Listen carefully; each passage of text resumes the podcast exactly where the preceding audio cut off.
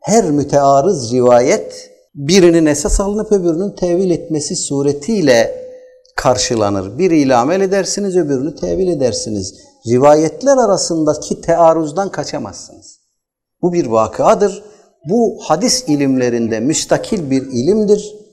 Müşkilül asar ya da ihtilaful asar ya da muhtelifül hadis dediğimiz ilim dalı bununla iştigal eder.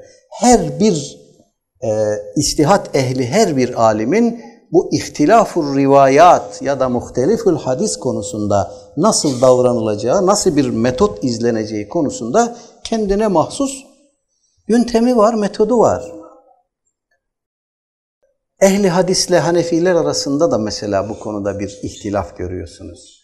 Böyle bir tearruz olduğunda Hanefiler diyorlar ki eğer birbiriyle bağdaştırılması mümkün olmayan kuvvette ve sarahatte birbirine denk iki rivayet söz konusu olduğunda biz önce aralarında nesk ilişkisi var mı ona bakarız.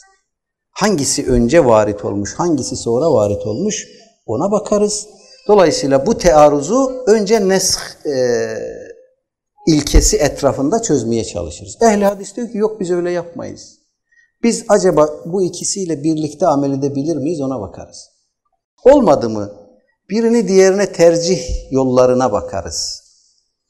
Bu da olmadıysa nesk ilkesine başvururuz, nesk metoduna başvururuz.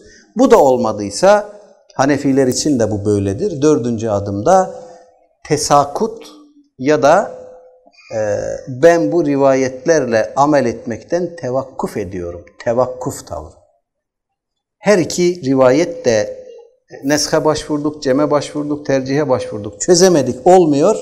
O zaman alim diyor ki ben Allah Teala bu işin ilmini bana açana kadar sükut ediyorum, tevakkuf ediyorum. Bu rivayetler hakkında hüküm vermiyor.